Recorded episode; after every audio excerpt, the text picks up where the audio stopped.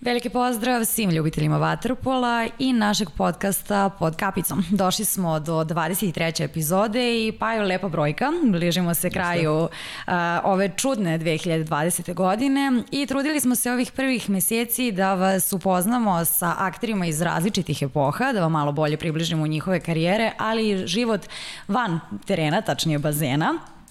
Ne krijemo da ćemo gostiti i vaterpoliste iz Crne Gore i Hrvatske, da će poseban tretman imati i devojke, ali o tom potom da ne pričam ja previše sada. Ono što svi znaju već ko je gost, tako da pitaću te samo da li se raduješ novoj emisiji i da taman prokomentarišeš malo i nacionalni šampionet. Evo Jugoslavu smo doneli sreću, bio je prošli put za nama i sutradan je njegov radnički deklasirao Crvenu zvezdu. Da, e, naravno da se radujem i, i ovo je iz moje perspektive onako najbolji najlepši sigurno profesionalni poduhvat e, u koji sam se uputio, to, to nema dileme nikakve i da pohvalim i tebe za, za hvala, hvala. sjajni posao koji radiš i nadam se da će ova naša emisija potrebati godinama i to nam je neki cilj u krajnjem slučaju. A kad je u pitanju domaći šampionat i domaće aktualnosti, da, Radnički pojedio Crvenu zvezdu, Zvezdu među odigrala još jednu utakmicu protiv Najsa e, u prvenstvu, slavili su crveno-beli, nekako se stvari odvijaju u ovo čudno vreme korone i iskoristio bih priliku i u tvoje i moje ime da poželimo srpskim klubovima pre svega dobar, dobar učinak u e, prestojićim kvalifikacijama za Len Kup između 4. i 6. decembra, dakle to je nešto bi mogo da e, još jedan zamajec da srpskom klubskom vaterpolu i držimo im fige onako e, i svu podršku maksimalno imaju da, da, eto, da ostvare svoje ciljeve. A sada te molim u skladu sa nekom našom već tradicijom mogu da je nazovem, da najaviš našeg dragog gosta. Da, gledalci već znaju, a nama je zadovoljstvo da najavimo da je sa nama nekadašnji reprezentativac, osvajač srebrne medalje na Evropskom prvenstvu u Sevilji 97. a kasnije i trener Crvene zvezde. Svi znate da je sa nama Risto Maljković. Risto, dobrodošao u naš studio na kraju univerzuma i evo na početku, kao i svakoga, pitaću i tebe kako se osjećaš ovde kod nas. Pa, prijatno, sviđa mi se. Lep je studio, zadovoljan sam idejom celom, ovaj, tako da nadam se da ćemo uživati. E, Risto, znam da si se onako malo si se dvoumio kad smo se čuli, mnogo mi je drago što si pristao da, da budeš naš gost. Ja pripadam ovoj starijoj generaciji koja te jako dobro pamti i kao, i kao igrača. Imao si odličnu, e, odličnu karijeru u konkurenciji koja je u jugoslovenskom vaterpolu uvek bila izuzetna i ajde, proćemo milion tema kroz emisiju, ali na početku da se vratimo onako godinama, godinama unazad, kako se Risto Maljković obreo u vaterpolu? Pa, ajde recimo da kažem da je krivac uh, Igor Milanović, ono čuveno finale uh, koje smo svi pratili, gledali, navijali. Nekako posle toga se javila želja Uh, nisam pre toga stvarno imao nikakav Samo izvini, možeš malo, samo mikrofon malo da podim. E, super. E, nisam, nisam imao pre toga neki ovaj uh, bliski kontakt, kontakt s Waterpolom, Uh, posle toga, ajde da kažem, došao sam na bazen, bio sam na 11. aprilu godinu dana, jer tad je ovaj, Zvezda je trenirala na 11. aprilu. Uh, godinu dana sam tamo počeo, posle sam se prebacio na na Banjicu, prešao sam u Partizan, mislim to je sve pričam 6-7 godina sam imao, sa 6 sam počeo da kažem da treniram, u sedmi sam prešao na Banjicu, Partizan, s jedne strane na zadovoljstvo rodbine koji su uglavnom partizanovci a s druge strane ovaj otac ajde da kažem koliko je bio zadovoljan to koji nije baš nešto bio oduševljen idejom da s Novog Beograda ovaj, idem na trening na banjicu, ali mislim da realno nije baš nešto očekivao da će ja dugo to da me drži, da da će dugo ostati ta neka želja, međutim kako je krenulo, eto tako je došlo i do kraja. E, za nama je uvek zanimljiv taj početak, jer si odrastao u vremenima kada se život odvijao na ulici u smislu konstantnog bavljenja sportom. Je li bilo dilema nekih kod tebe i kako se jedan dečak inficira vaterpolom? Pa ne znam, ne mogu da kažem da sam, mislim sport sam voleo, pratio svoj sport u, u mojoj kući, Uh, ali sama ta želja za vaterpolom, ne znam, kažem, desilo se verovatno preko noći, kažem, posle ovaj, te utakmice nisam imao nikako pre toga neku ambiciju niti želju da, da treniram vaterpolo, jednostavno došao sam na bazen, tu godinu dana sam proveo, svidelo mi se i eto tako, posle to valjda samo od sebe ide. E, škola se isto to vreme podrazumevala, e, mislim, morao si da budeš dobar đak da bi se i bavio sportom. E, da li su roditelji bili strogi i koliko ti je bilo teško da se navikneš na, na, na, na više obaveza? Pa, bajde mogu da kažem, mislim, podržavali su me, nisam imao neke, nisam imao neki pritisak u kući e, vezano za školu da moram, da, naravno da imali smo svi, da kažem, e, neku želju da, da, da guramo jedno i drugo, ali svakako u tom samom početku, mislim ja sam krenuo sa 7 godina na banjicu, prvi razred, nisam uopšte ni, ni imao ideju, niti sam uh, niti su moji roditelji očekivali da ću ja doći do nekog nivoa e, da kažem reprezentativnog tako da krenulo je tako i onda jednostavno samo po sebi se nastavilo dalje ali nisam imao pritisak kuće da mora ili jedno ili drugo jednostavno išlo je jedno i drugo i to je to A sad kad pričamo o kući, kada pričamo o porodici, imamo jedno pitanje za tebe. Može prvo pitanje, Vanja.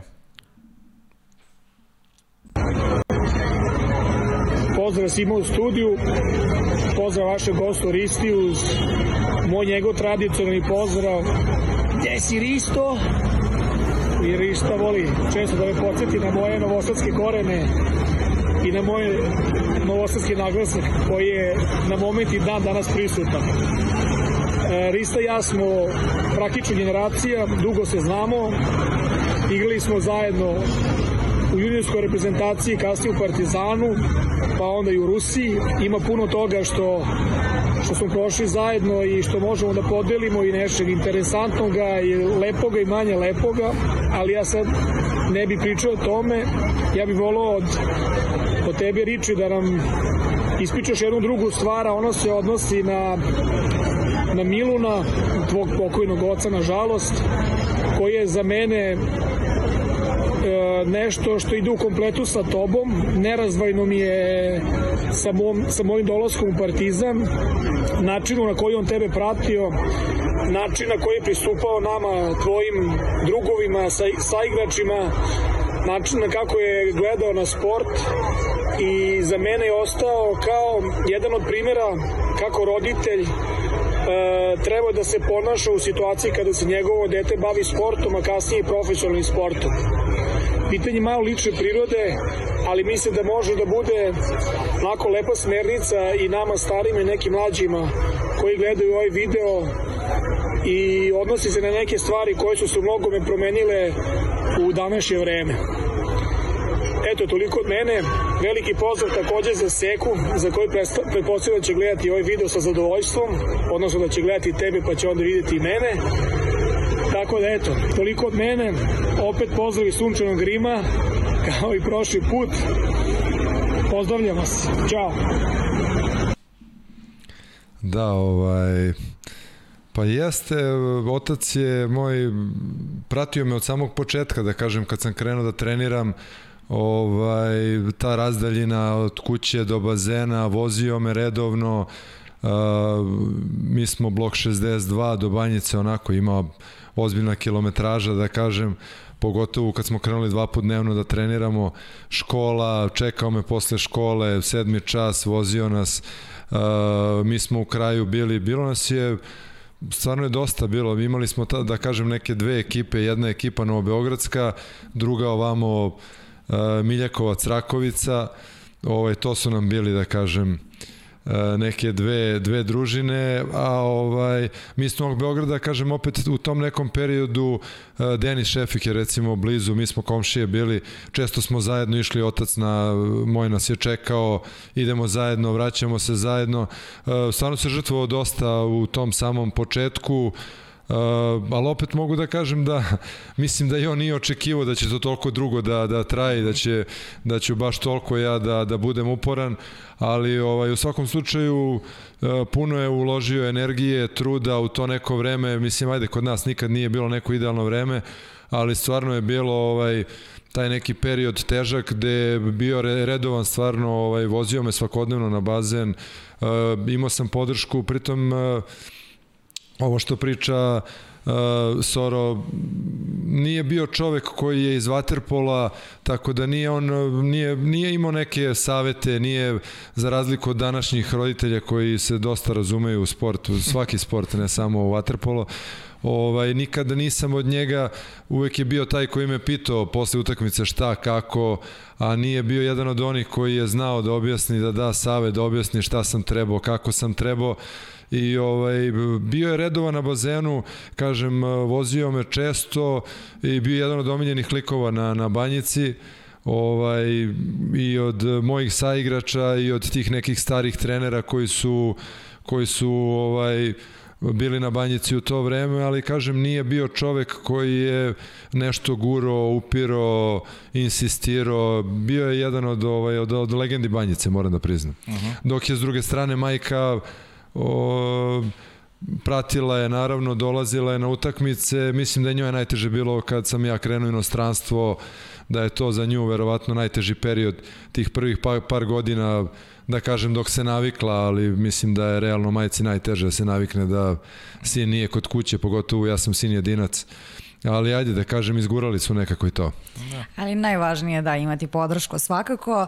A, Vaterpolo je, sad smo pričali o nekim početcima, sada kada otkrivaš da je to tvoj put i tvoj definitivni izbor, a, kada si osetio taj, to, mislim, taj moment kada si desio i zanima me da li si uopšte ikad pomislio da odustaneš? Pa, da kažem, taj neki prelomni period meni je bio Uh,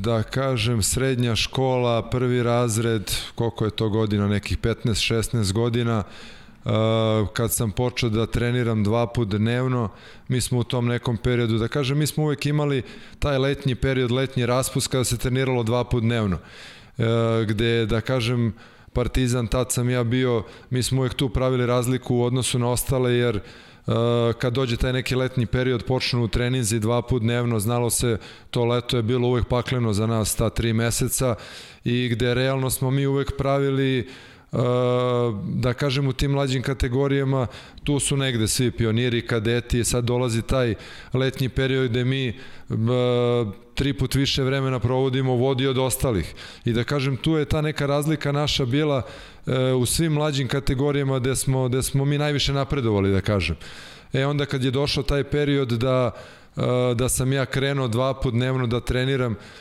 tu se u to, u to vreme prelazilo se znači neke 15. 16. da kažem prvi, srednji, osmi razred kad je počelo da, da, se, da se radi konstantno cele godine dva treninga dnevno teretana i ovaj, to je bio taj neki period da sam ja rešio da ili radim kako treba ili ne radim i to je to E, Risto Partizan, e, odrastio si praktično u najboljoj školi, možda i na svetu.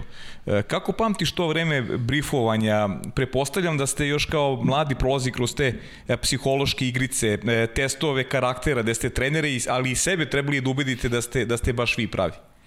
Uh, pa sad ovako gledano iz ove situacije sigurno da je Partizanova škola uh, najbolja na svetu bila. E, dosta dugo, pogotovo taj neki period, da kažem, ja sam e, kad sam se priključio tu, ja sam bio klinac, da kažem, sećam se i tih nekih generacija koje je vodio Vlaho Orlić, kad se igrala uh, stara Jugoslavija liga, znači to je stvarno bio bila je čast i prisustvovati treninzima, gledati, učiti od starijih i mislim da je to nešto što je u to, to vreme bilo, da kažem, stalno smo imali nekog starijeg koje, koje je uzor. I ovaj, mislim da je to najbitnije. Mislim da se to u zadnje vreme izgubilo jer počeli su igrači, dosta mladi igrači da odlaze u inostranstvo, tako da se smanjivala ta neka granica kada igrač prelazi u prvi tim, E, gubili su te neke idole, gubili su te neke starije generacije od koga su mogli mnogo toga da nauče. Tako da mislim da je tu došlo do u to moje vreme da kažem bilo dosta ovaj dosta tih legenda u klubu i bilo je dosta ljudi od kojih je moglo svašta da se nauči. E sad kad si napravio tu paralelu, eto zanima me koliko je deci bilo na treninzima u to vreme, s obzirom da pratimo koliko je sada malo ljudi. Pa to je da, mislim to je bilo u to neko vreme, bilo je sigurno 500, 500 klinaca je bilo u svim tim nekim mlađim kategorijama, znači da krenemo te neke škole, ajde bila je ta neka škola plivanja koja je bila prva grupa, druga, treća, četvrta, pa se onda prelazi, da kažem, to je bio plivački deo, pa se onda prelazi vaterpolo, gde su bili od pionira do, do, do juniora, da kažem, sigurno je bilo 500, 500 klinaca, da kažem, u toj nekoj mojoj prvoj početnoj pionirima, pa nas je sigurno bilo naše godište, je bilo preko 50, preko 50 ljudi, znači samo, samo moje godište, da kažem 1977. Pa onda to ide kako, kako se ide napred, tako se smanjuju grupe. Ali sigurno da je svako godište bilo po 50 klinaca. E, Rekao si da si zatekao neka velika imena u tom periodu kada si bio, pa ajde da se posetimo tih imena koji su negde tebe uvodili, da kažem, u te, u te vaterpolo tajne, ali naravno i trenere koji su imali uh, presudan uticaj na, na tvoj razvoj i, i da li si ih mrzao nekad te, te trenere, pošto znamo da je, da je u vaterpolo onako to brifovanje bilo vrlo ozbiljno. Pa jeste, pa da kažem to baš kad sam bio mlad, kad sam počinio, kažem bio je Vlaho Orlić je bio u klubu, Uh, bila je ekipa, bilo je dosta igrača uh, tipa Marinko Roje, uh, tih nekih da kažem legendi koji su koji su Igor Milanović je bio tad ja sam kao klinac voleo sam, gledao sam sve utakmice, naravno, mislim, kod nas uh, nije bilo potrebe da ti neko kaže da trebaš da dođeš na utakmicu da gledaš, mislim, to se podrazumevalo, ali je stvarno bio vrhunski kvalitet uh, ta liga jugoslovenska gde je bilo Jug Dubrovački, Mladost, bilo je 10 klubova preozbiljnih koji su svi mogli da igraju u ligu šampiona. I stvarno je bilo uživanje gledati te igrače i, i učiti od njih. E sad, da li se sećaš debija, protivnika, prvog gola? Uh, pa, pa ovako, sećam se uh, taj neki period, da kažem, mi smo imali, znači kad se dođe do juniora Partizana, sledeća stepenica je bio student. Uh, to je, da kažem, bio, student je bio korak pre prvog tima Partizana, ti mlađi igrači koji su, da kažem, juniori koji su dolazili, uh, oni su išli prvo u student, pa se posle prelazilo Uh, prelazilo se u prvi tim Partizana. Ja sam kao klinac u studentu igrao jednu polusezonu i recimo stvarno je bilo uživanje ta polusezona, to je bila ona godina kad su se svi naši reprezentativci vratili, recimo u tom periodu imao sam čast da igram protiv Budvanske rivijere gde su igrali Igor Milanović, Šoštar, Goran Rađenović te sezone, e, Primorac koji je bio prejak, e, Partizan, Zvezda, stvarno je bila ta godina, bile su sankcije i kažem svi igrači su se vratili preko leta, igrala se letnja liga i stvarno je bilo fenomenalno igrati sa svim tim ljudima koje si, da kažeš, gledao negde, igrali u inostranstvu, pratio si ih, vratili su se tu, igrali su ovaj letnju ligu i na kraju te sezone, da kažem, sledeću godinu sam prešao u Partizan, igrao sam za, za prvi tim Partizana, ja sam došao da kažem posle Peleta Zimanjića, to je neki raspored kod nas uvek bio, znalo se ko šta kako ja sam bio, da kažem, na poziciji beka, Pele Zimonjić je otišao te godine, to je 94. otišao u Romu, ja sam umesto njega upao u prvi tim Partizana i da kažem ta 94. mi je bila, bila prva sezona, da kažem, profesionalna u, u kapici Partizana. E sad pa ja moram da se ubacim uh -huh. samo mhm. sa još jednim pitanjem. Mnogi nas pitaju oko tek, ta, ove, taktičkih detalja. Šta je recimo bila tačno tvoja pozicija, kako se ona definisala i koliko si vremena trošio za skeniranje rivala? Pa ja sam bio, da kažem, celu karijeru sam igrao na poziciji beka. Uh, mislim celu karijeru, ajde te mlađe kategorije igralo se, svako igra skoro svako igra sve, ajde da kažem naravno centar radi svoj posao tu se nije menjalo, ali se uh, tad, tad se vodilo računa da, da mlađi igrač zna da igra na svakoj poziciji. Mislim, obuka je bila takva da, da, da, da može da prođe da igra i levo i desno i beka, naravno odbrana je kao, kao i, i danas bila najbitnija, znači svi su morali da prođu tu neku obuku da znaju kad stanu na beka, da znaju šta mu je posao, da znaju šta trebaju da rade.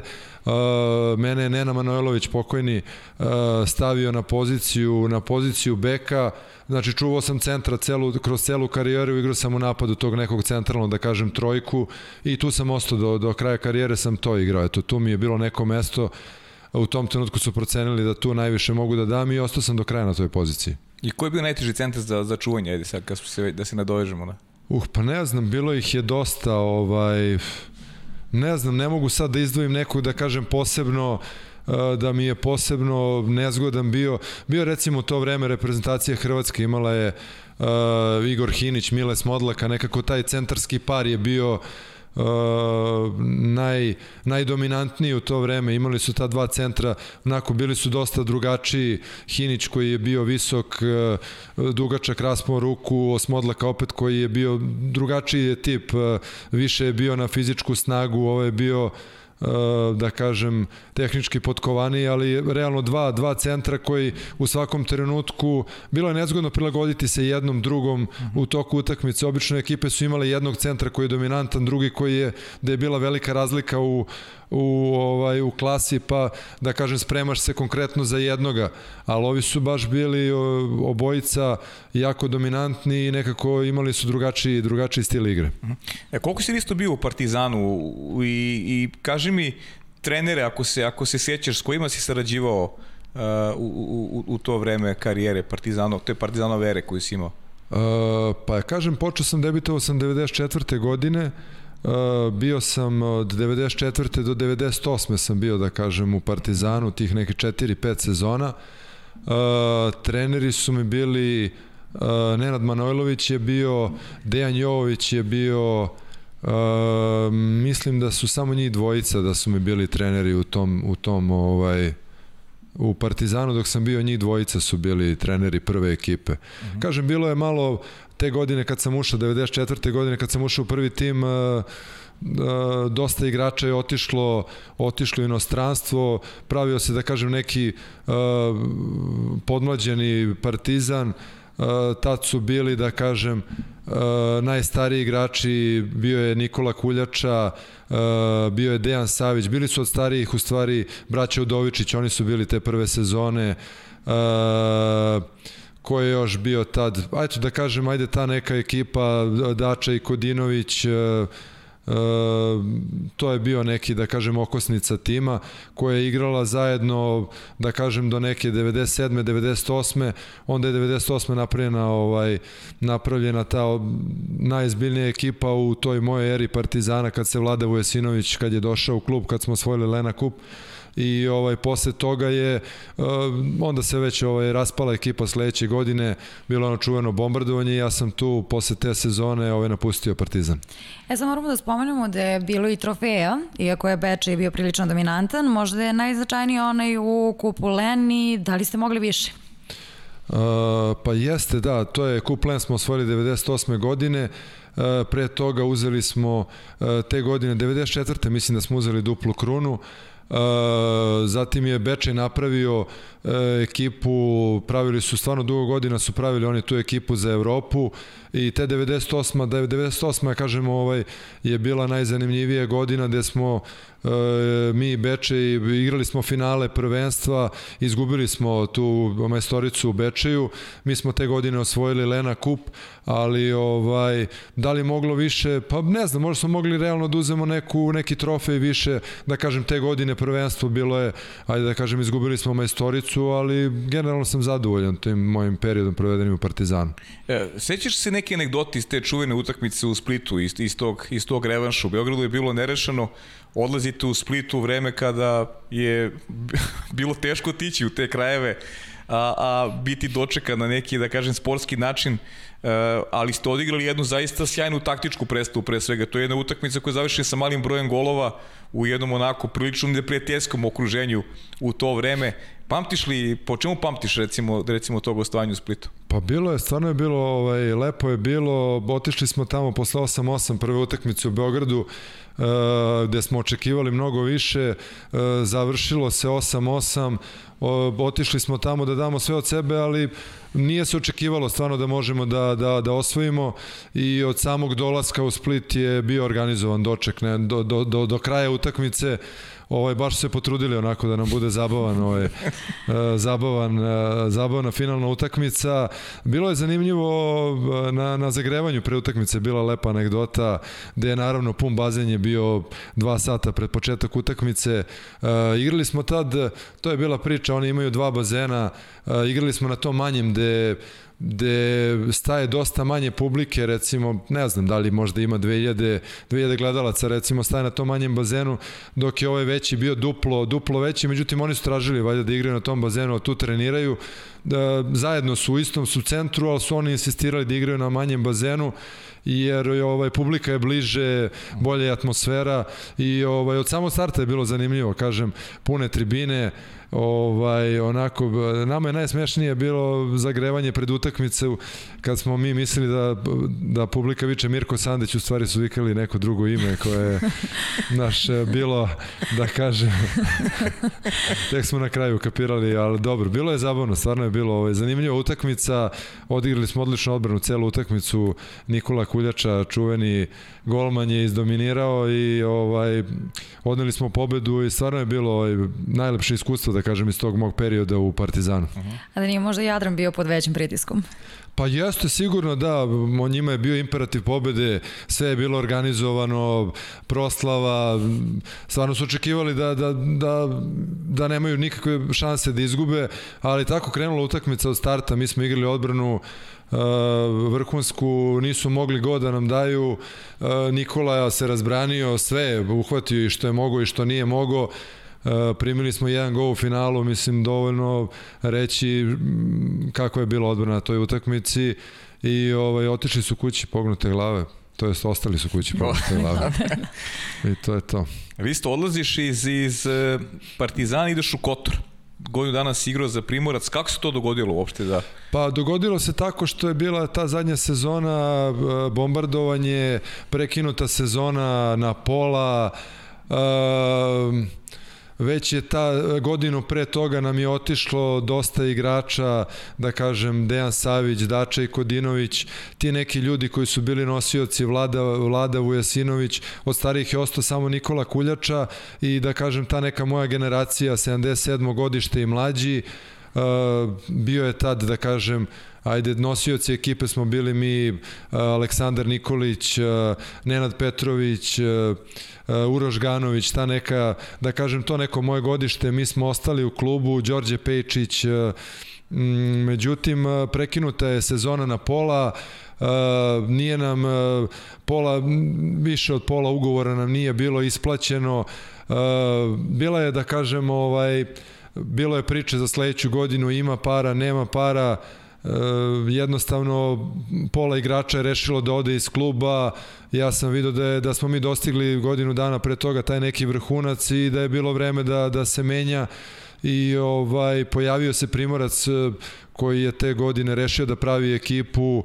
Uh, onako napravili su dosta zanimljivu ekipu i prešao sam tamo, da kažem godinu dana sam bio u sledeću u Primorcu. E sad kako pamtiš taj period, da li je bio rezultatski uspešan? Uh, pa te godine kad sam prešao Primorac, da kažem, oni su tad krenuli da prave ekipu, uh, Primorac je klub sa, sa dugom tradicijom, uh, da kažem, jedan od dva kluba najozbiljnijih u Crnoj Gori i Her, Jadran iz Herceg Novog je Primorac, da kažem to neko rivalstvo koje traje od samog početka. Bilo mi je zanimljivo da, da, da ovaj da odem iz Partizana u klub isto koji ima koji ima ozbiljnu tradiciju. E, da kažem u jednu dobru ekipu, igrali smo Evropu te godine, ali da e, iskreno tad je ta, krenuo je Primorac da se diže opet iz početka su krenuli da bi tek e, ja sam bio godinu dana u klubu, oni su posle par godina uspeli da naprave šampionsku ekipu. Stalno su dovodili igrače naše, bilo nas je dvojica, trojica, četvorica iz Partizana i ovaj na kraju su sklopili kockice i napravili su šampionsku ekipu. Risto, idemo sada preko, preko granice, Barcelona, Katalunja dve godine, aj se vrati malo unazad i da se posjetiš onako sa igrača, trenera, rezultata, kako pamtiš to vreme? Pa taj period, da kažem, meni u Primorcu, ja sam bio jako zadovoljan, Uh, međutim uh, nije lako uh, Primor je malo mesto dosta je teško u Crnoj Gori celu, sezodi, celu sezonu odigrati pogotovo kad dođe zimski period u Kotoru zimi je onako dosta, dosta, da. dosta simpatičan pogotovo kada izađete vikendom proštate starim gradom vidite da nema nigde nikoga onako nije baš godinu dana je okej, okay, druga godina već bi bilo dosta, dosta teško psihički izdržati. Mm. Tako da uh, pojavila se ta ponuda iz Španije, uh, Katalunja u to vreme uh, naj, najozbiljniji je bio klub u Španiji, oni su osvojili Ligu šampiona, ja mislim da je to bila neka sezona 96. da su bili prvaci Evrope, imali su ovaj ozbiljnu ekipu, Uh, dosta španskih reprezentativaca je igralo tamo. Te godine kad su osvojili kad su osvojili ligu šampiona bio je ovaj Igor Milanović. Mislim da su igrali Milanović Gočanin te godine uh, klub koji je dosta naših dosta naših igrača je prošlo kroz klub Dragan Andrić je bio dosta dugo u klubu bio je čovek koga dosta cenjen tamo dosta se pitao i generalno uvek je on konsultovan kad su dovođeni naši igrači. Pre mene su bili, kažem, Igor Gočanin, pa je bio Viktor Jelenić. Ja sam došao posle njih, tražili su Beka, došli su do mene, kontaktirali me preko Dragana Andrića, E, bilo mi je zanimljivo da, da, da želeo sam da odem u inostranstvo i e, bio je dosta, dosta ovaj, dosta atraktivan klub i kažem ovaj u to vreme imao dosta španskih reprezentativaca i e, bilo je neko novo iskušenje za mene. Uh -huh. E sad isto ako si gledao naše podcaste, znaš da ja insistiram da naši gosti malo pričaju o životu u gradima koje su bili, tako da moram da ti pitam i za Barcelonu, po čemu je pamtiš neke anegdote ljudi koje si upoznao? Pa Barcelona sigurno najlepši grad gde sam gde sam igrao. E, dve godine sam proveo tamo. E, uživao sam stvarno u životu u Barceloni. E, volim sport, sve ostale sportove. Često sam išao na futbol u to vreme. Bilo je dosta naših, dosta naših sportista, dosta sportista, sportista bivše Jugoslavije. Bio je čovek koji je i dalje je tamo, držao je tad lokalni bar, čuveni Neša koji živi u Barceloni. Ovaj, dok sam došao, on je, dobro pre mene, da kažem, bili su tamo Dejan Savić, Petar Trbović su već igrali u Barceloni, tako da upoznao sam Nešu koji je sve naše sportiste dočekivao, kogod dođe, pojavi se, on dođe, kaže tu sam, tu je lokal, uvek si dobrodošao, javi se, dođi. E, svi naši su tada išli tamo. E, mali je lokal, da kažem, u centru grada gde, gde su bili rukometaši, futbaleri, košarkaši. On se družio u tom periodu dosta sa Zokijem Savićem koji živi tamo. E, Željko Bradović je pre toga bio tamo. Svi su dolazili kod njega i nekako to nam je bila baza. Uvek smo ovaj, uvek smo se tamo nalazili, uvek je bio taj, jer je bar u nekom, u jednom tihom delu gde, gde se uvek išlo pre nekog noćnog izlaska, da kažem, i onda smo se tu dosta skupili, družili i stvarno je bilo dosta ljudi naših tamo, Uh, koji, je, koji su dolazili kod njega je i ovaj družili se i da kažem odatle se išlo dalje i odatle smo da kažem išli i na ostale utakmice pratili smo košarku u toj prvoj sezoni, u drugoj godini je bio, drugoj godini je došao u rukometni klub Mladen Bojinović, s njim se dosta družio, on je ovaj bio zadužen za noćne izlaske naravno sa karticom fudbalskog kluba Barcelona. Svugde su bila vrata otvorena tako da je bilo dosta zabavno. Barcelona što se tiče života naj naj najuzbuljivije je bilo realno u Barceloni Igor Milan, da, Igor Milanović ne je pričao da je on otvarao diskoteke za, za lokalne igrače, da se vrlo brzo snašao u, tom pogledu. da, da, on je bio, realno je bio institucija u Barceloni, ali ovaj, realno su katalonci malo, oni su dosta drugačiji od nas, ne mogu da kažem malo drugačiji, dosta su drugačiji od nas i onda Eh, kad su se pojavili naravno prvo Igor Milanović mislim da im je to dosta čudno bilo ništa im nije bilo jasno. A onda su se posle pojavili drugi naši ljudi tipa Dejan Savić selektor. E, tako da navikli su se. tako da da bilo im je čudno u početku onda su navikli drugi je drugi je sistem tamo svako plaća svoje piće pa im nije baš bilo jasno kad su naši ljudi pojavili tamo kako to mi funkcionišemo. Tako da smo im bili dosta čudni ajde da kažem. A kažem mi čuvaš kontakte neke iz, iz, tog, iz tog perioda, ne samo sa, ne samo sa našim, nazovi ljudima svojih prostora, nego, nego i sa uh, ajde da kažem lokalcima tamo sam. Pa nisam, nisam, ne. ovaj nemam nemam kontakt sa Špancima. Jedno vreme sam održavao kontakt, bilo je ovaj tu par igrača s kojima sam imao neki kontakt, ali vremenom sam izgubio da kažem. Družim se s tim našim ljudima koji su bili tamo, neki su ostali, neki su se vratili ovde iz tog perioda, ali s njima se družim ovaj, i čujem u kontaktu sam i dalje. Ali realno sa Špancima nisam ostao u nekom kontaktu. Bio sam sa par ljudi, imao sam stvarno dobar odnos sa, sa tim španskim igračima, jer u tom trenutku kad sam ja bio jedini sam bio ovaj jedini sam bio stranac prve godine u klubu prilagodio sam se njima, ne, oni ne vole da pričaju engleski naravno, niti žele, niti, niti vole, tako da sam se družeći s njima naučio jezik i, i imao sam stvarno ovaj dobar kontakt. Tad recimo u klubu te prve godine kad sam došao bio je pokojni Jesus Roljan, njihov čuveni golman koji je obožavao sve ljude sa, sa naših prostora uh, i ovaj on me on me je ovaj vodio dosta sam vremena proveo s njim i s njim sam realno ovaj bio najbolji u tom periodu i ovaj ovi ostali kažem jer on je čovjek iz Madrida malo je mislim velika razlika Madrid Barcelona u smislu života, tako da sam se s njim dosta družio, nekako nek, Madriđani su nam, bar po meni, bliži dosta, što se tiče života van bazena, van vaterpola, tako da sam najviše vremena s njim provodio, ali s ovim ostalima sam uvijek bio u nekim normalnim, dobrim odnosima, da kažem. Uh -huh. E, sad me zanimaju italijani, prije nego što se posvetimo Rusiji, imao si dve epizode u Italiji, u Kamolji i Latini. Koliko se Italija razlikuje od Španije? Mislim, jesi bio u manjim mestima, ali eto, ta Kamolja mi deluje interesantno. Uh, pa lep je na slici. Da. ovaj, slici. pa Italija, da kažem, najveći deo Waterpola i najveći broj klubova je u toj Liguri, da kažem, gde se nalaze uh, Reko, recimo, Reko Kamolji su selo do sela, grad do grada, ajde da se ne uvrede, da. grad do grada, uh, u, tom, u, tom, uh, u tom delu se nalazi i, da kažem, Savona, uh, tu je Đenova, tu je... Uh, uh, ima 15 klubova u jako malom, u jako malom uh, rasponu, tako da da kažem to je kod njih tamo Primorje slična su mesta funkcionišu ajde da kažem kao mrze se nešto između sebe ali jer su blizu nekako osuđeni su jedni na druge ali nekako nisam neko imao lepo iskustvo u toj Đenovi. Da kažem što se tiče ljudi i što se tiče života van Waterpola, nisam imao neke ljude s kojim se družim, nekako dosta su zatvoreni italijani, više ovaj do, donji deo, da kažem, ta Latina, što se ide južnije, nekako su ljudi bliži, otvoreniji su, više su za, za neko druženje, za saradnju, dok su ovi gore, severnjaci, zatvoreniji su, nisam neko, nisam imao nešto puno tamo ljudi s kojima sam se družio i s kojima sam eventualno mogao da, da, da se obratim nekom da sam imao neki problem.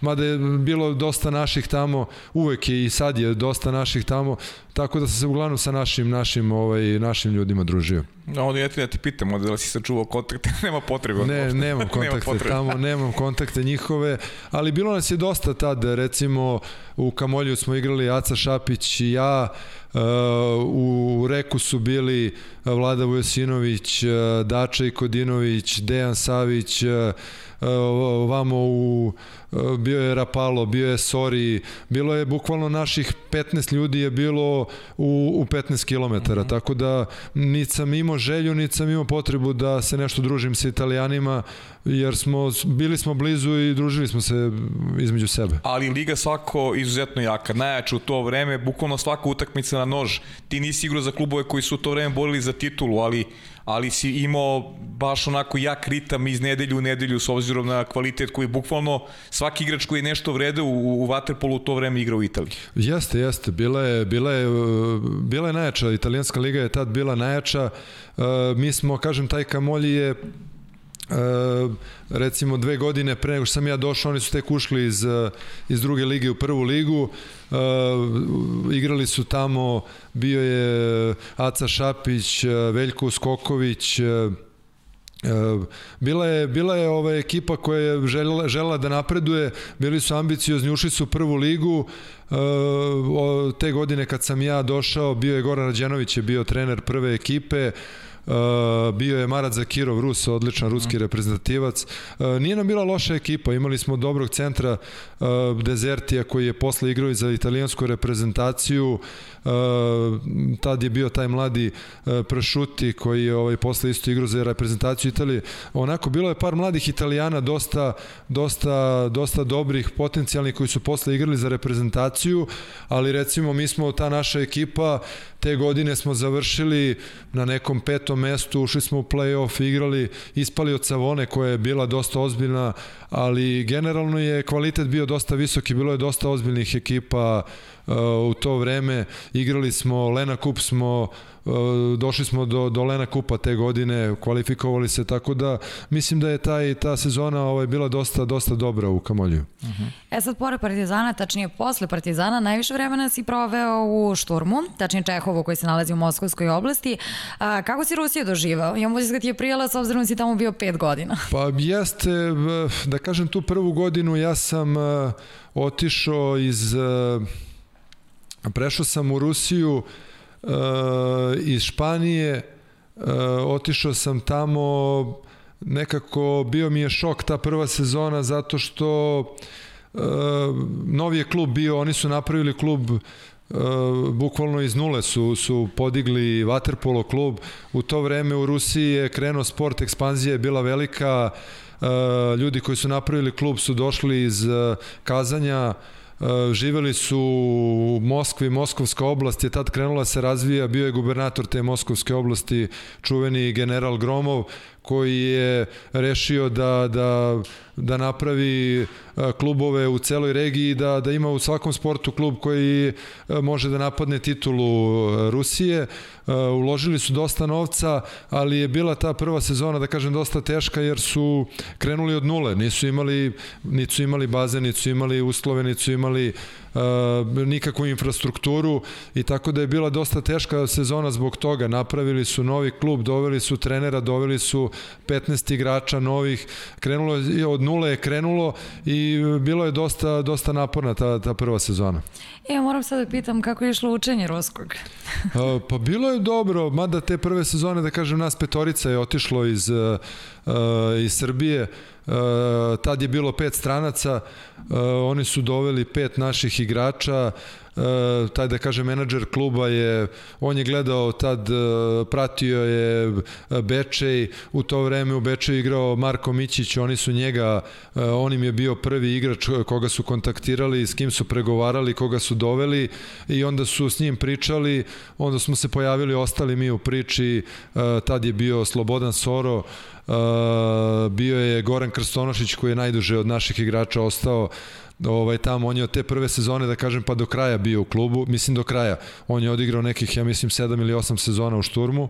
Uh, bio je Čedomir Drašković te prve godine. Bilo nas je petorica tako da imali smo čuvenog Zvijeda Davitijanija koji igra u Bečeju, koji je pričao ovaj naš jezik, bio je posle dobro posle se pojavio tu Revaš Čomahidze, neki ljudi koji su igrali ovaj u našim klubovima, on je bio mladosti, pričao je hrvatski, Dimitri Stratan, Garbuzov, svi su pričali srpski, tako da manje više svi su oni pričali naš jezik, nismo nešto puno morali da se trudimo. E mi to pitamo zašto imamo neke ptičice koje su nam javile da je ruski bio malo problematičan i pogotovo kad su u pitanju kokoške ili mačke da, da, da, to jeste, to jeste. To jeste, bilo je toga, ovaj, bilo je zanimljivo, stvarno, bilo nas je, bilo nas je dosta, nas petorica te prve godine, jedini problem realan koji smo imali, to je bio što što smo došli u sredinu koja uopšte nije poznavala vaterpolo, igrali smo te prve godine, mi smo bili u gradu, selu koji se zove Ramensko, koji je, da kažem, Moskovska oblast, od Moskve daleko 50 km, međutim ljudi nikad nisu imali vaterpolo klub, imaju bazen u gradu, ali uopšte nisu poznavali igru, nisu poznavali, mislim, mi smo tamo realno zalutali, bili smo stranci u tom gradu, jer smo te prve sezone uh, bili bukvalno gosti na tom bazenu i ovaj, oni su tek sledeće godine napravili novi bazen uh, gde se klub preselio, jer je ta prva godina, ajde da kažem, bila probna, i ovaj nismo imali ni stanove, živeli smo od bazena po 30-40 km.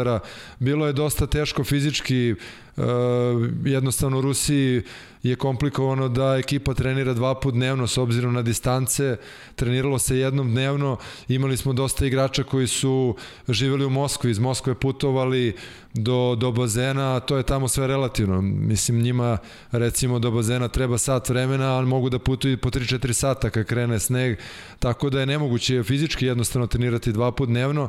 I onda je bilo dosta komplikovano te prve godine dok oni nisu napravili svoj bazen i dok nisu napravili realno svoju bazu. Ja, da eksploatišemo još malo Sora. Naravno. Imamo pitanje, kako si upalio Rernu u Rusiji i kako je Veverica napala taksistu?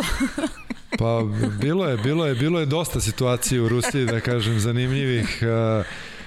Nekako, meni je bilo stvarno lepo, ja sam uživao u Rusiji jer kažem u Rusiji, za razliku od Italije, posle Italije, ja kažem u Italiji nisam imao ni jednog Italijana u klubu koga sam mogao da zovem da mi se desi da mi se auto pokvari, da mi pukne guma, dok mi se desilo u Rusiji, da kažem prve te godine. Imali smo sudar Uh, išli smo kolima nešto do Moskve, imali smo svoj automobil, sudarili smo se negde, uh, znam da je bila neka nedelja, da kažem, popodne, na nekom ulasku u Moskvu smo imali sudar ozbiljan, uh, gde sam zvao čoveka, stvorilo se pet ljudi iz kluba, znači u Moskvi koja realno ima 20 miliona ljudi, gde je svaka distanca kad sedneš u kola minimum sat vremena, stvorilo se pet ljudi iz kluba koji je došao da pomogne.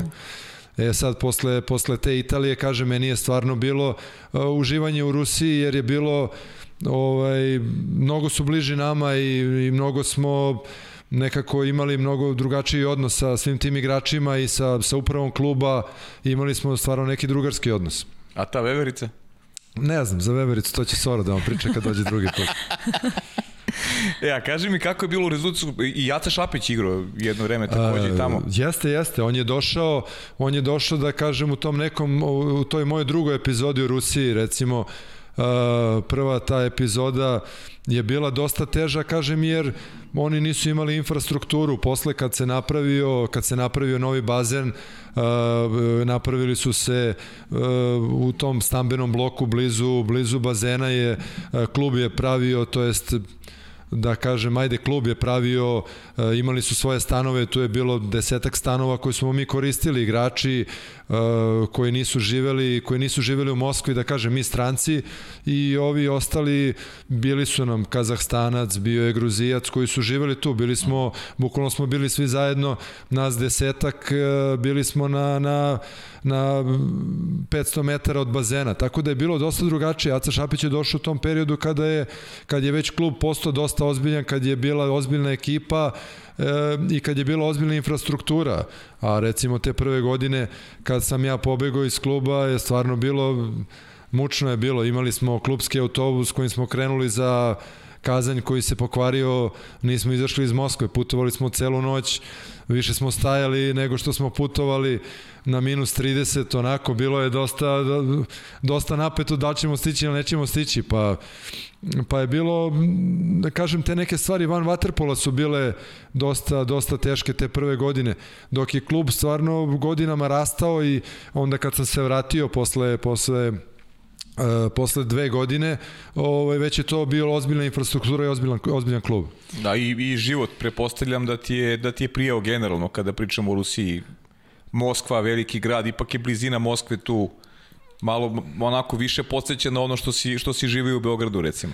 Pa onako, ne znam šta da vam kažem, nije, ja, Moskva je grad za sebe, ja kažem Moskva je država za sebe, uh mhm. -huh. a mi smo u svih tih pet godina bili u Podmoskovlju, što je, opet da kažeš, 40-50 km od Moskve, ali kažem, vama treba kolima bukvalno pola sata da dođete do nekog prvog, prvog e, prstena gde se ulazi u Moskvu, a onda je sve relativno. Tako da nismo mi nešto puno vremena provodili u Moskvi, ajde da kažem, Uh, mi smo imali jednomesečno smo možda išli do, do Moskve da, da smo ostalo vreme sve smo bili u, u tom mestu gde smo mi gde je bilo jedna prodavnica jedna apoteka, jedan restoran ja. i da. jedan kafić, ali smo bili relativno uh, bili smo blizu sa stanovanjem tako da smo se družili međusobno, uh ali generalno Moskva država za sebe, ovo ostalo kad se izađe to je Rusija dolazimo do Crvene zvezde.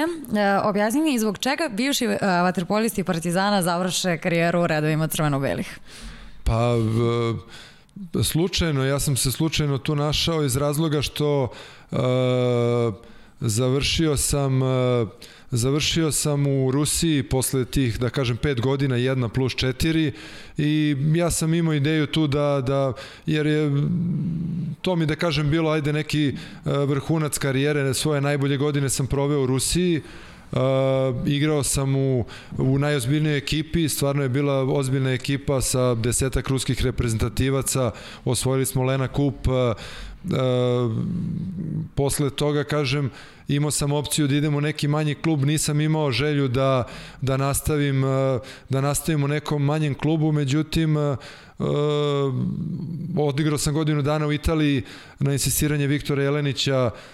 Bili smo u Latini zajedno tu zadnju sezonu u Italiji posle Rusije i to je ovaj njega su zvali iz tog kluba oni su ušli iz druge lige u prvu i on se nešto neće kod ide, oće, neće, tražili su dva igrača i onda uh, on me zvao da kažem zajedno smo otišli u Italiju i nekako smo tu, zbližili smo se, imali smo taj kontakt, on je već krenuo zvezdu, posle te Italije on me zvao da dođem u zvezdu i eto, ovaj, tako sam se našao u zvezdi.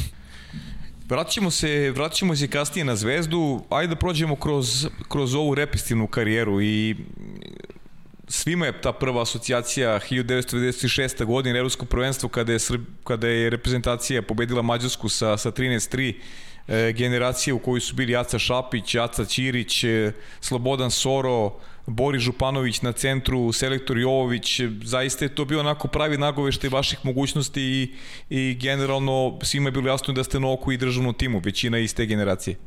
Pa da, mislim uvek je, naravno, mislim juniorska reprezentacija uvek na oku selektora, uh, imali smo vrhunsku ekipu, uh, bili smo dosta kvalitetniji od, od ostalih, uh, kažem na turniru bilo je u stvari u grupi je bilo odma jasno mislim imali smo mi par nekih pripremnih turnira pre toga ali smo odma u grupi svima dali do znanja da, da, da smo najozbiljniji. Imali smo par pobeda preko 15-20 razlike i ovaj došla nam je znali smo da će nam najteža utakmica biti protiv Hrvata u polufinalu Uh, kad smo dobili Hrvate nekako uh, i sami smo znali da, da ćemo osvojiti protiv Mađara 13-3 u finalu, bili smo dosta kvalitetniji, ali znali smo već i tad smo znali da, da smo na oku selektora, ali to je posle toga smo naš četvorica, petolica bili priključeni A reprezentaciji. Uh mhm. -huh. E, kad pričamo o A reprezentaciji, sećaš li se debija za državni tim?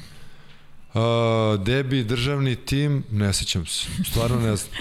Stvarno ne znam, to je bila godina uh, posle, posle, posle tog juniorskog, znam da smo bili svi razočarani, mi smo igrali, uh, igrali smo, te godine bilo Europsko prvenstvo u Sevilji, a, i bilo je juniorsko prvenstvo sveta na Kubi, znam da smo bili razočarani što ne možemo da, da igramo na Kubu, da, ne, da, da igramo na Kubi, jer e, želeli smo da osvojimo prvenstvo sveta za juniore, a opet s druge strane naravno da, da poziv za reprezentaciju je nešto najviše što, što, svako, što svako može da poželi, a iskreno se ne sjećam mog debija za, za A reprezentaciju. Ali eto, dolazimo do te, do te Sevilje, 97. godine bio si u ekipi u sastavu koji igrala finale sa Mađarskom, ono čuveno finale 3-2, tri gola Tamaša Kašaša u, u finalu, e, Stamenić ti ukazao e, priliku i jedno onako zaista e, i meni je to ta utakmica baš onako u sjećanju zbog malog broja golova i drame koja se je dvijela bukvalno tokom čitavog meča u bazenu.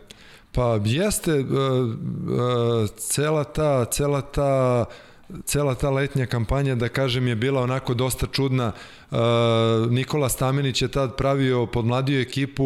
Uh, to je bilo vreme kada je dosta naših igrača bilo u inostranstvu, reprezentativaca iskusnih, uh, kao što su Pele Zimonjić, Aleksandar Šoštar i kad su Nikola Stamenić i Vlaho Orlić preuzeli reprezentaciju, oni su insistirali da da budu svi igrači u, u zemlji, da igraju u našim klubovima. I nama se tad ukazala šansa, stvarno smo odigrali odlično to evropsko prvenstvo, oni su podmladili reprezentaciju, otišli smo u najmlađem sastavu na, na evropsko prvenstvo, nije niko očekivao da, da možemo da dođemo do finala, ali smo stvarno dobro odigrali, sigurno da smo imali, imali smo pripreme nezaboravne i sigurno smo bili fizički e, duplo spremniji od svih ostalih, tako da, tako da smo došli do finala i nesrećno smo izgubili stvarno to finale. A po čemu pamtiš Sevilju? Ispostavilo se da ti je to jedino odličije sa najvećih takmičenja? E, jeste, pa naravno pamtim po tom finalu po tom čuvenom golu Kašaša kad sam ja okrenuo glavu koji mi leži na srcu, da kažem, skoro sam se vidio s Draganom Jovanovićem, naravno nije propustio da mi objasni da sam trebao da se okrenem. Pozdravimo ga ovom prilikom. Da. Ovaj, on je branio tada, jednostavno ostala mi je ta, ostala mi je ta scena uh,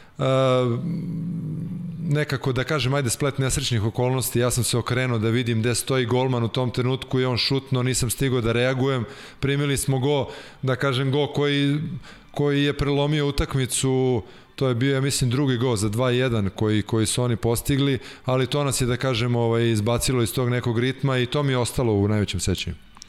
E, interesantno je da si 98. godine putao u Porto Riko na onu čuvenu prijateljsku utakmicu koju ste igrali, ti si krenuo i u Pert, ali nisi bio u sastavu na, na svetskom prvenstvu u Pertu. Uh, pa ja sam bio, bio sam u Pertu, da, bio uh -huh. sam... Uh, na takmičenju celom, ostali smo do kraja, tad smo bili, da kažem, nas je išlo 15, 15 igrača, jer smo krenuli neke dve nedelje ranije na, na prvenstvo sveta, imali smo tamo neke kratke pripreme i nije se znalo do, do, do početka takmičenja ko će igrati. na kraju pred sam pred sam turnir na na toj jednoj prijateljskoj utakmici da kažem povredio se naš centar E, tako da smo mi rešili da, da igramo sa tri, sa tri centra, ja sam ispao iz kombinacije, e, Siniša Matijašević i ja smo bili, da kažem, višak, međutim ostali smo celo, celo takmičenje smo bili bili uz ekipu, ostavio nas je Nikola, Nikola Stamenić sa ekipom, tako da smo do kraja, do kraja takmičenja smo, smo ostali zajedno sa ekipom. E sad, e, Evropsko prvenstvo Firenca, 99. godina, osvojeno peto mesto, ali pamti se ono četvrt finale sa Hrvatskom i poraz u produžecima, ili vrtiš nekad film unazad? Pa to mi je stvarno žao tog evropskog prvenstva, nekako šta nam se sve izdešavalo, uh, ne znam, jednostavno je bila ta godina Uh, bio je suspendovan Vlada Vujosinović, nije mogao da igra zbog te čuvene doping afere. Uh, kao i obično italijani su tad bili siva eminencija, godinu dana pre toga je Tibor Benedek bio kažnjen, onda naravno tad u to vreme najbolji igrač mađarski, uh, posle toga uh, Vlada Vujosinović nekako uh, imam utisak da su italijani rešili da po svaku cenu da da ovaj da ne da da ne dozvole da kažem da da da budemo u najjačem sastavu. Bio je splet stvarno čudnih okolnosti. Bila je besparica u Savezu, jako loša atmosfera, krenuli smo na evropsko prvenstvo u nekom totalno izmenjenom sastavu, realno smo imali mladu, mladu reprezentaciju, mladu ekipu koja je mogla zajedno da igra dugi, dugi niz godina, ali je došlo do previranja u Savezu, došla, na, na prvenstvo je otišla neka ekipa koja, naša ekipa koja da kažem, nije, nije bilo očekivano da, da, da odemo uh, sa 4-5 uh, igrača koji su debitovali na, na tom evropskom prvenstvu. Međutim, opet kažem, uh, stvarno je bio čud nekih nesrećnih splet nekih ne, nesrećnih okolnosti. Petar Trbović koji je u to vreme bio jedan od najboljih igrača razboleo se, nije mogao da igra i onako smo bili u u ovaj u oslabljenom sastavu i pored svega toga došli smo do tog čuvenog četvrtfinala sa Hrvatima koji su imali odličnu ekipu gde smo ispali ispali smo na penale a mislim da su nas u polufinale čekali Grci koji u to vreme Mm, nisu mogli da nas pobede da smo igrali 10 dana za redom. Tako da da smo ma, uz malo sreće prošli četvrt finale protiv Hrvata igrali bi igrali bi u finalu sa Mađarima što bi stvarno bio e, neverovatan uspeh za za taj sastav u kom smo mi otišli. Ali eto tako se potrefilo, e, nismo imali sreće u četvrtfinalu, ispali smo od Hrvata i završili smo, završili smo takmičenje, ja čak mislim na sedmom mestu.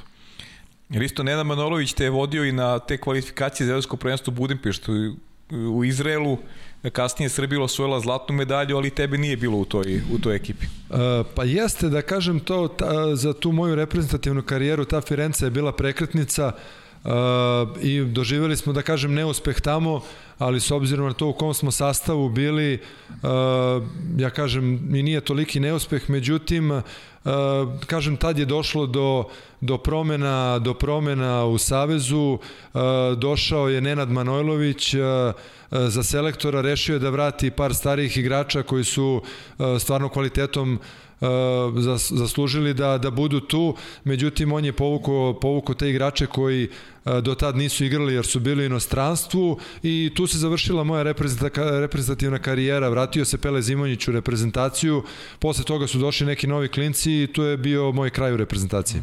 E sad, koliko takvi detalji lome karakter? Znaš da si blizu, vredno treniraš, a onda te nema da uberaš plodove tog rada.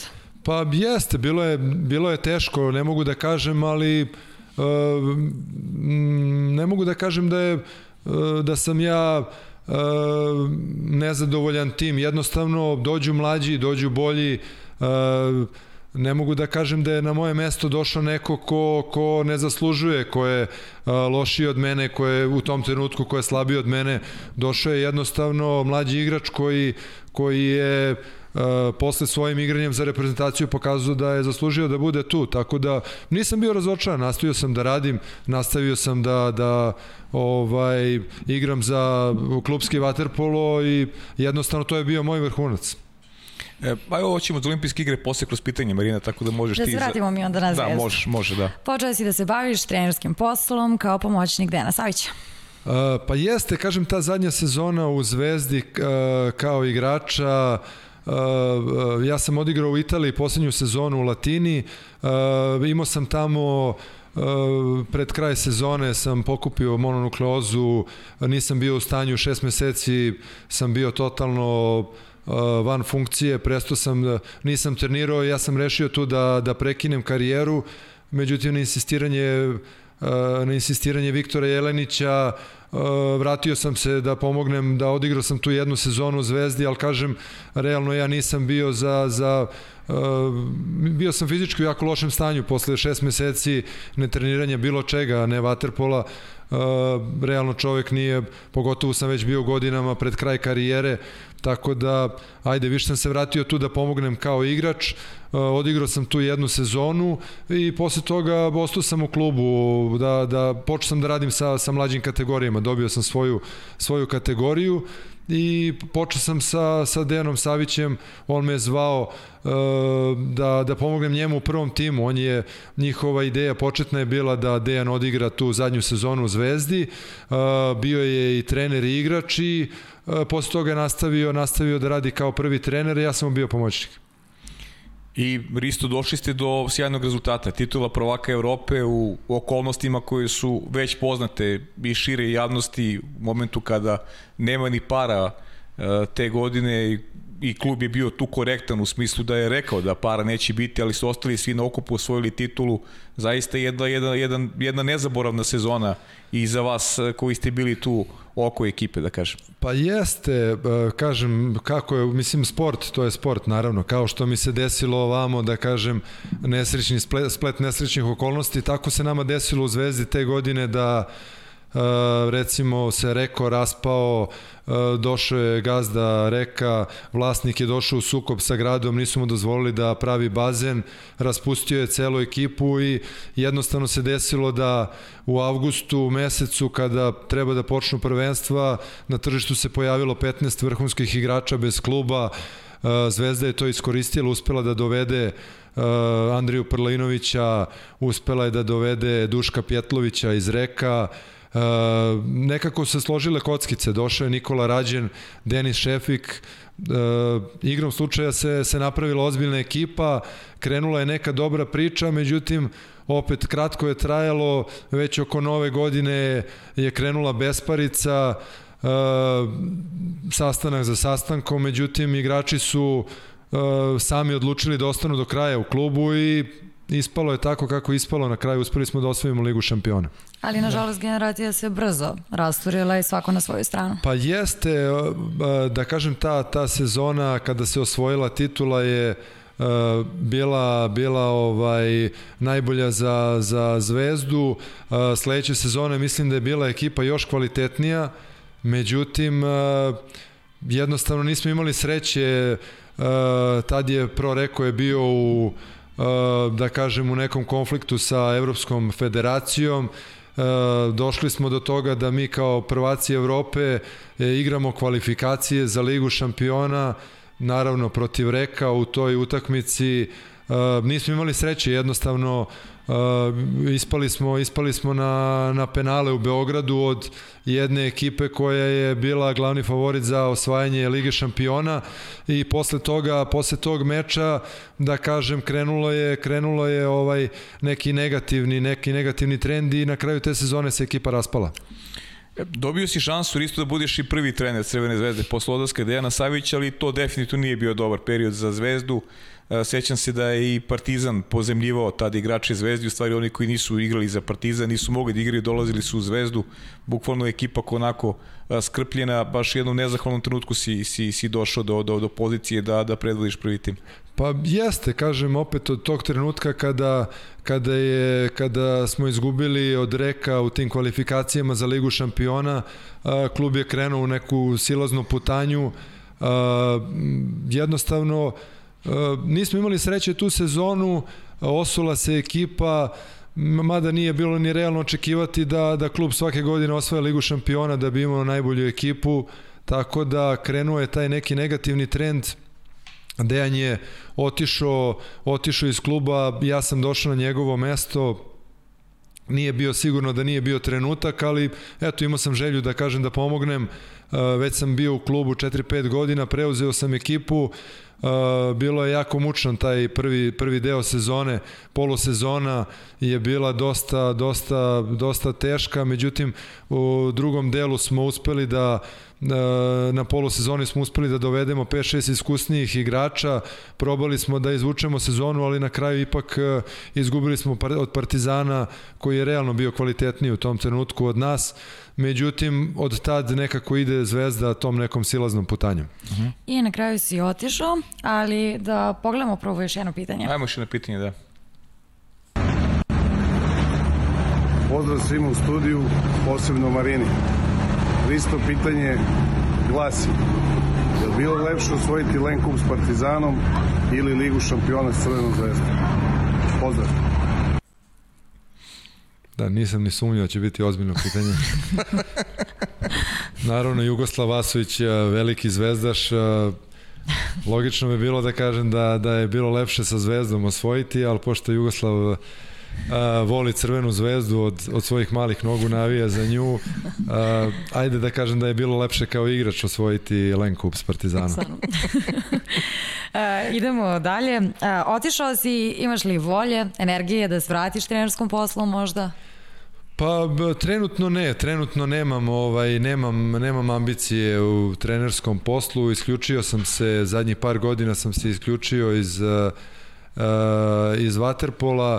Naravno da pratim, da se družim, ali nemam, nemam, trenutno stvarno nemam ambicije jer trenutno je, da kažem, beogradski, beogradski Waterpolo, to jest Waterpolo u Beogradu je onako u dosta teškoj situaciji, a ja ne vidim sebe kao trenera u nekom klubu van Beograda zbog zbog porodice, zbog supruge, zbog dece, stvarno nemam nemam želju ni ambicije da da se bavim trenerskim poslom u nekom drugom gradu, tako da Uh, u Beogradu je tako da stvarno nemam, nemam želju da se bavim vaterpolom. Da.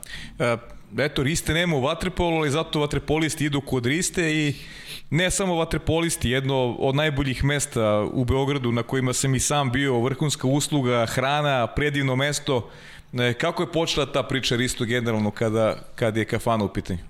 Pa, Desilo se, eto, spontano da kažem, na pred, kraj, pred sam kraj igračke karijere sam ovaj, našao neko utočište na Savi, slučajno sam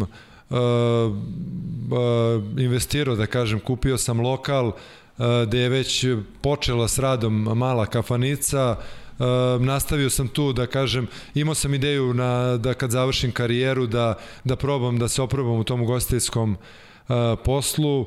Završio sam karijeru, počeo kažem da kažem porodične u porodičnoj varijanti otac majka ovaj poč tako sam krenuo ovaj sa, sa kafanom, restoranom, kako god.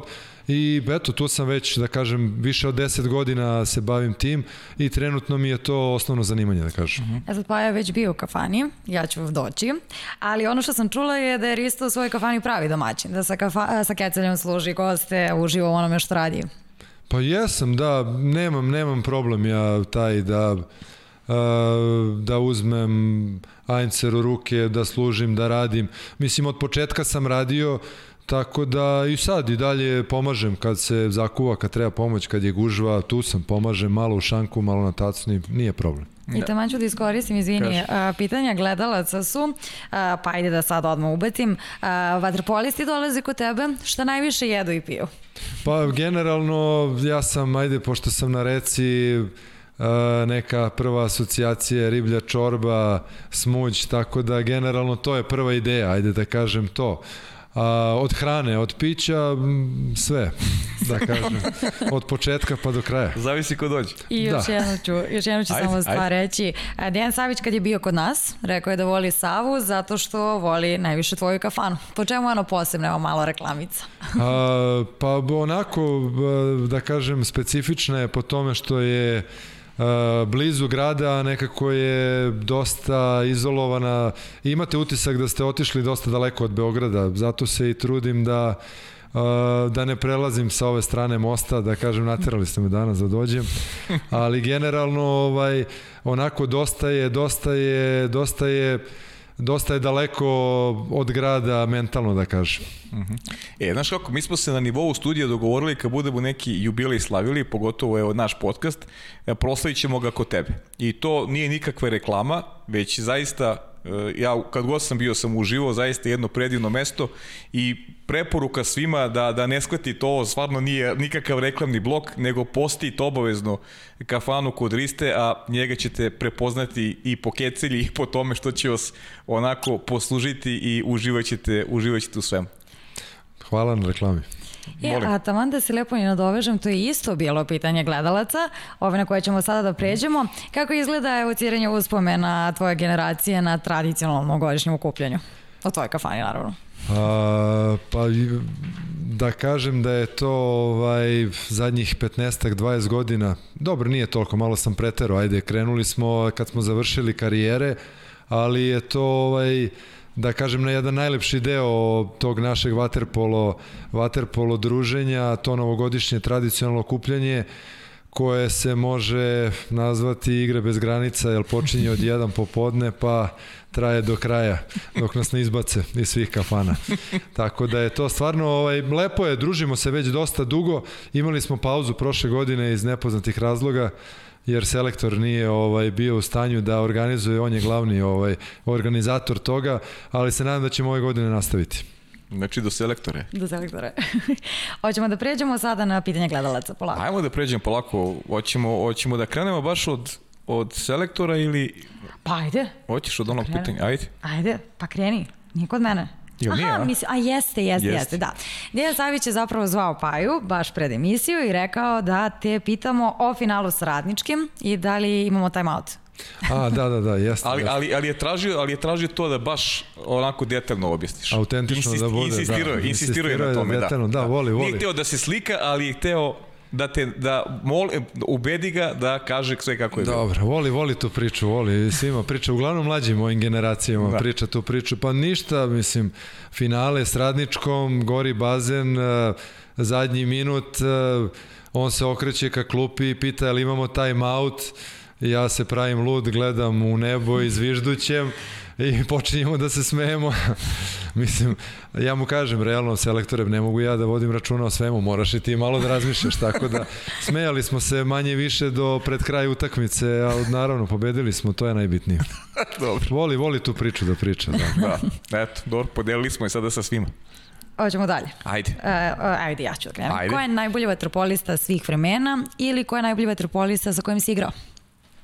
Uh, svih vremena, dobro, to je nerealno, mislim, ne, menjaju se, sve se menja mnogo brzo u današnjim e, tehnologija i tako dalje, mislim, stvarno nije realno sad da po meni na najbolji vaterpolista, ne bi mogo da kažem, stvarno ne, nemam, nemam ovaj, nemam čoveka jednoga za kog bi mogao da, da kažem da je najbolji vaterpolista svih vremena, ali s kim sam igrao, pa mislim da je Vlada Vujasinović, po meni Vlada Vujasinović. Uh -huh. A najbolji golman? Najbolji golman, ko pita? Milan pita. Uh, Milan pita, pa hajde da kažem Denis Šefik. Uh -huh. Denis Šefik, mislim, branio sam, igrao sam stvarno sa puno vrhunskih golmana, Uh, bio sam i sa strancima vrhunskim i sa našim golmanima i sa Aleksandrom Šoštarom i sa Draganom Jovanovićem, Nikolom Kuljačom, Denisom Šefikom, ali nekako Denis je čovek koji je uh,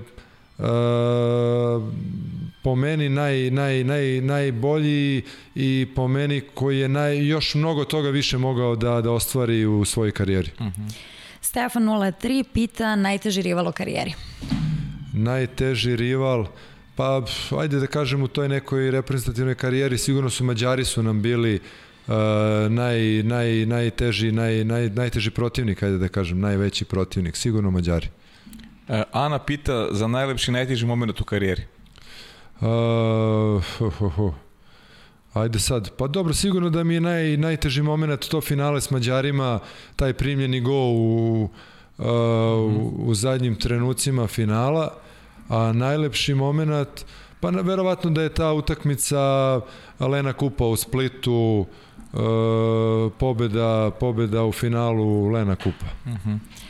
Marko 91 pita da li pratiš domaće prvenstvo i šta misliš ko će biti šampion? Pa pratim ove godine, pratim domaće prvenstvo, uh, ovaj, dosta, je, dosta je zanimljivo ove godine, moram da kažem da, da smo uspeli da podignemo kvalitet uh, zbog cele ove situacije, uh, mislim da je najkvalitetnije prvenstvo sigurno u zadnjih, de, zadnjih deseta godina, uh, mislim da će, da će uh, glavni konkurenti po meni su Radnički i Novi Beograd. E, neku blagu prednost dajem Novom Beogradu, mada Radnički e, iz godine u godine iz godine u godinu diže nivo i sigurno su ove zadnje utakmice u kvalifikacijama za ligu šampiona pokazale da su jedan od najozbiljnijih kandidata za osvajanje domaće titule, ali nekako mislim da to uh, iskustvo koje ima Novi Beograd da, da će presuditi u tim najbitnijim utakmicama. E, postoji ti dva pitanja, pošto su vezana. Uh, da li smatraš da si trebao više da igraš u reprezentaciji i Jelena Stojanović, da li je zaslužio da ide na olimpijske igre 2000. godine sa Nikolićem?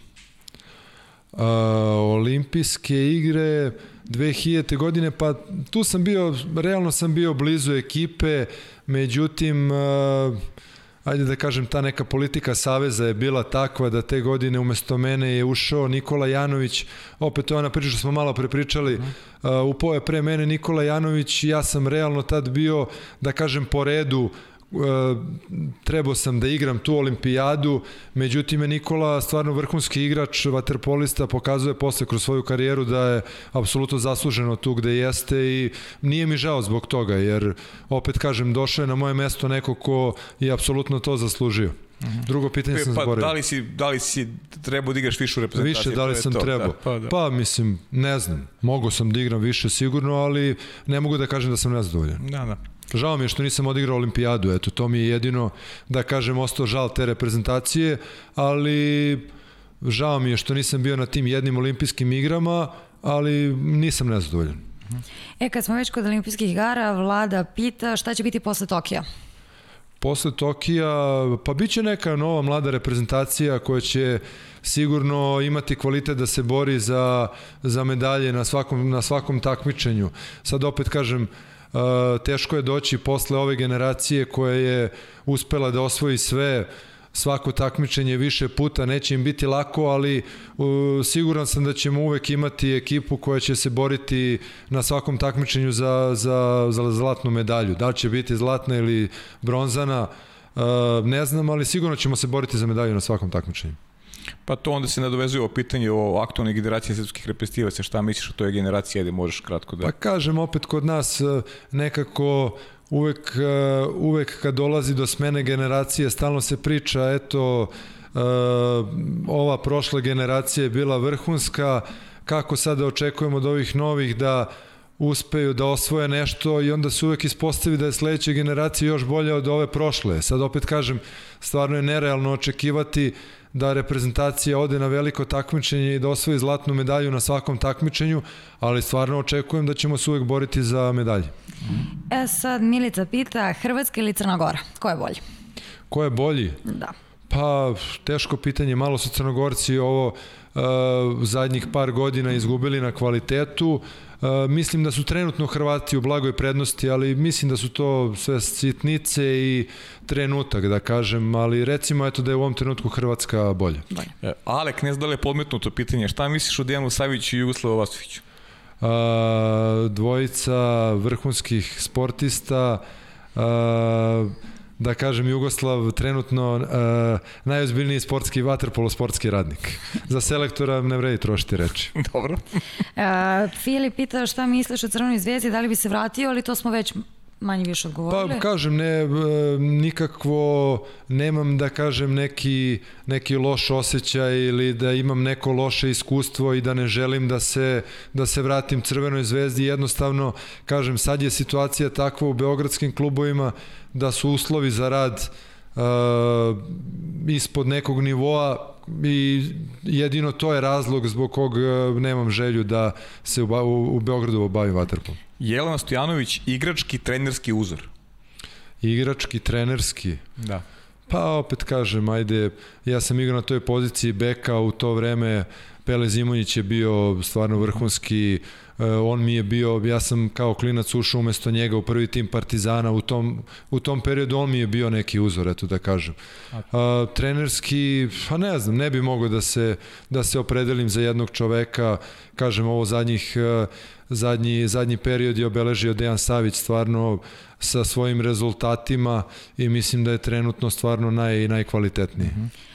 Uh, ne znam da li je Jelena ili Jovana, neće se naljutiti. Mislim da je Jelena. Jovana, kod mene su Jovane napitali. E, onda je Jelena pitala po čemu je 25. maj poseban? Uh, 25. maj, pa ne znam, ja lično uh, volim bazen, Uh, pogotovo u ovom nekom sad zadnjem periodu kad se renovirao, kad se sredio nekako uh, Crvena zvezda voli taj bazen i nekako ima ima taj osjećaj da, da, da, da je kući kad je na 25. maju i Zvezda je realno vezana za, za taj bazen i za ceo taj kraj.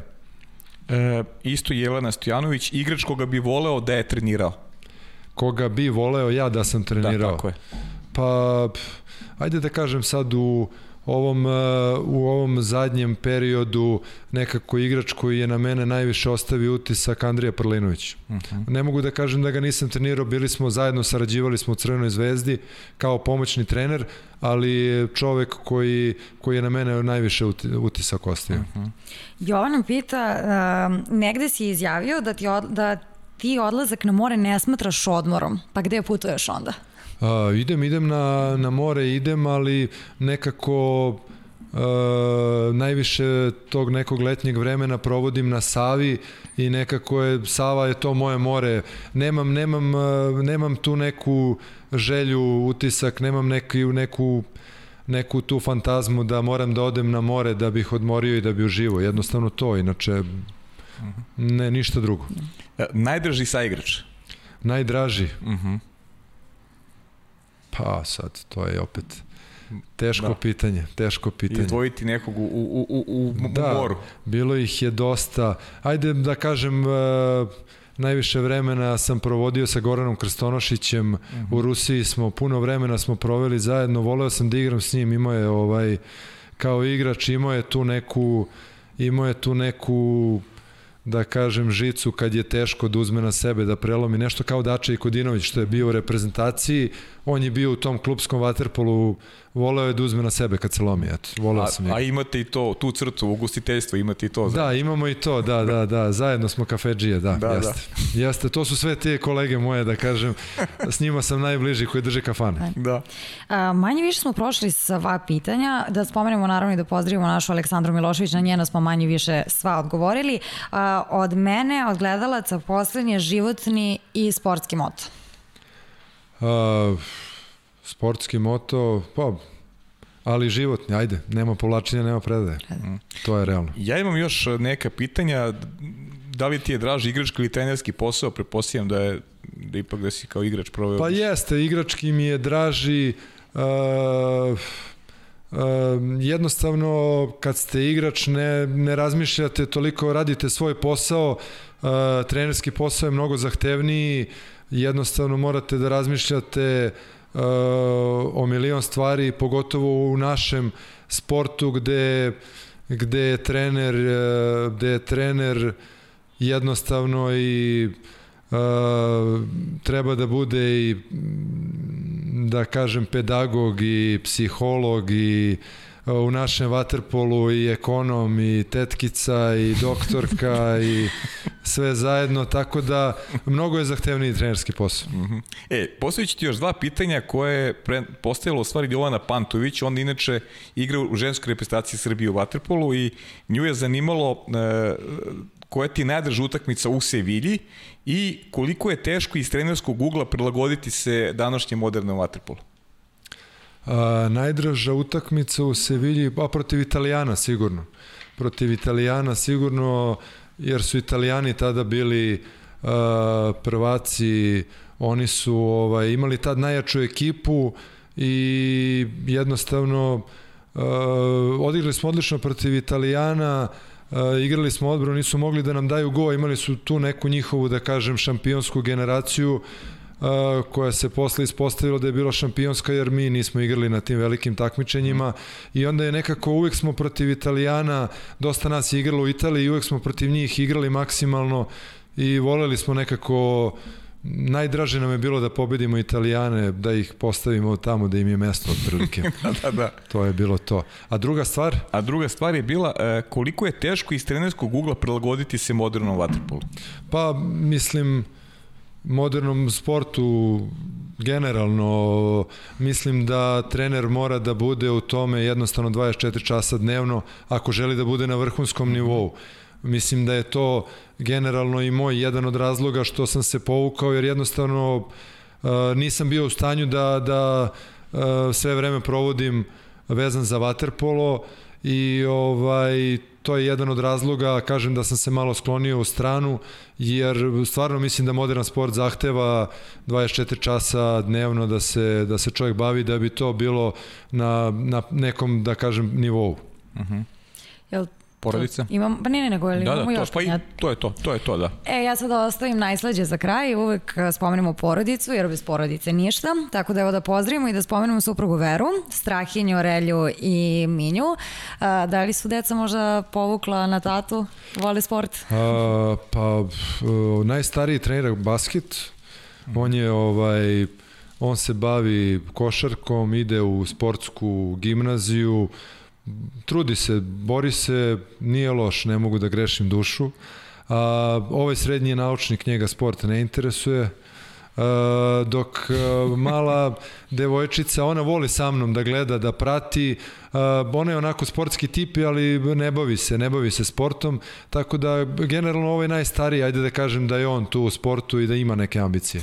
E, zaboravila bi da spomenem, ovom priliku moram moju dušicu da pozdravim i da te e. pitam da li voliš premier ligu i da li igraš fantasy manager? Naravno, fantasy, fantasy je neizostavan, ovaj, imam tu moju ekipu, da pozdravim ekipu s pijace, Uh, ima nas trojica, imamo ligu, borba je, najgori plaća doručak ponedeljak. E, to je bilo moje pitanje. Ko je platio doručak u ponedeljak? Ja sam, ja sam, ja sam.